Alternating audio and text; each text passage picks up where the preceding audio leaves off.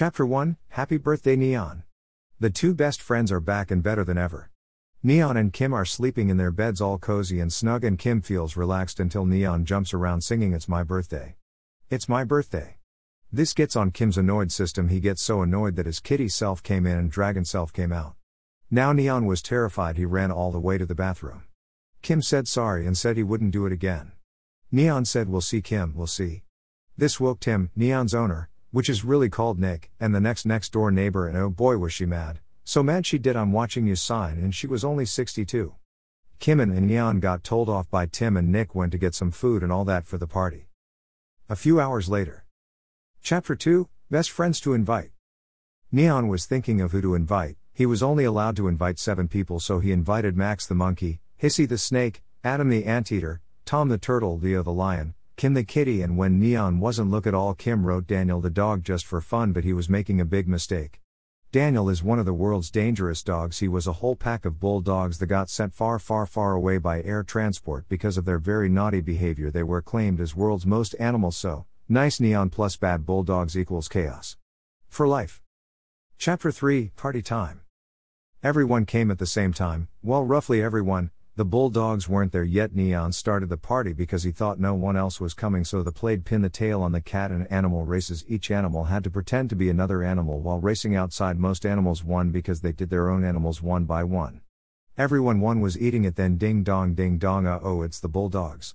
Tim answered, but then the dogs just jumped on him and hurt. There was a gasp in the distance, he just hurt Tim.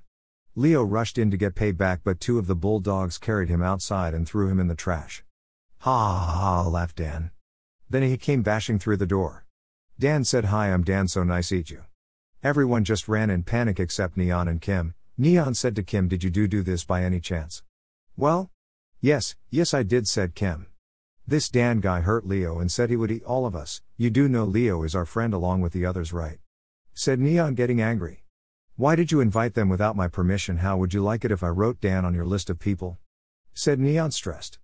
You know what? I don't want to hear your excuses. You're out of my party. If you're gonna invite someone without my permission, you're not gonna part of this. And you know what? I will invite Dan just to teach you a lesson, said Neon angry.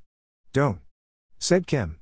But it was too late. Kim had ruined Neon's birthday and got so sad that Hess went into creeper mode and blew up with water. It filthy house Neon hated that.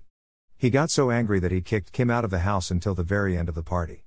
Everyone was screaming and shouting of joy until the whole house was silent, Shin was so worried but not as sad he was crying in the corner. Next thing he saw Neon with his friends flying up above the house to the moon. Kim needed to save them. So he tried to get calm and happy, clear all outside distractions, pull out wings and fly. He did it, he was flying properly. He managed to get to Neon, but Neon's eyes were full red. His eyes are supposed to be blue, normal eyes. What was wrong with Neon and his friends?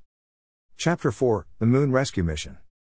When they got on the moon, Kim saw a big moon palace with moon rocks on each corner, Normally, Kim would just let them do what they're doing, but if it was for Neon, he would do anything. He saw the bulldogs, with Neon and his friends, walking in and the bulldogs trapping them one by one. Then one bulldog said, Shame that Kim Cat didn't come, he would have made a good power and servant.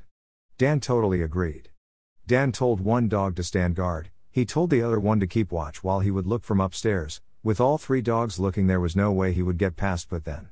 He turned into a bulldog. At first, he was terrified, but then he knew his powers had turned him into one so he can sneak past thinking it was another dog. The guard dog thought it was Dan passing by, but it was actually Kim. Dan thought it was the guard dog passing by, but it was actually Kim. The looker dog thought it was Dan, but actually Kim. Kim said that he'll be the lookout. Chapter 5 Solve the Red Eye Mystery. Kim let Neon and everyone out of the cage they were in, but their eyes were still red.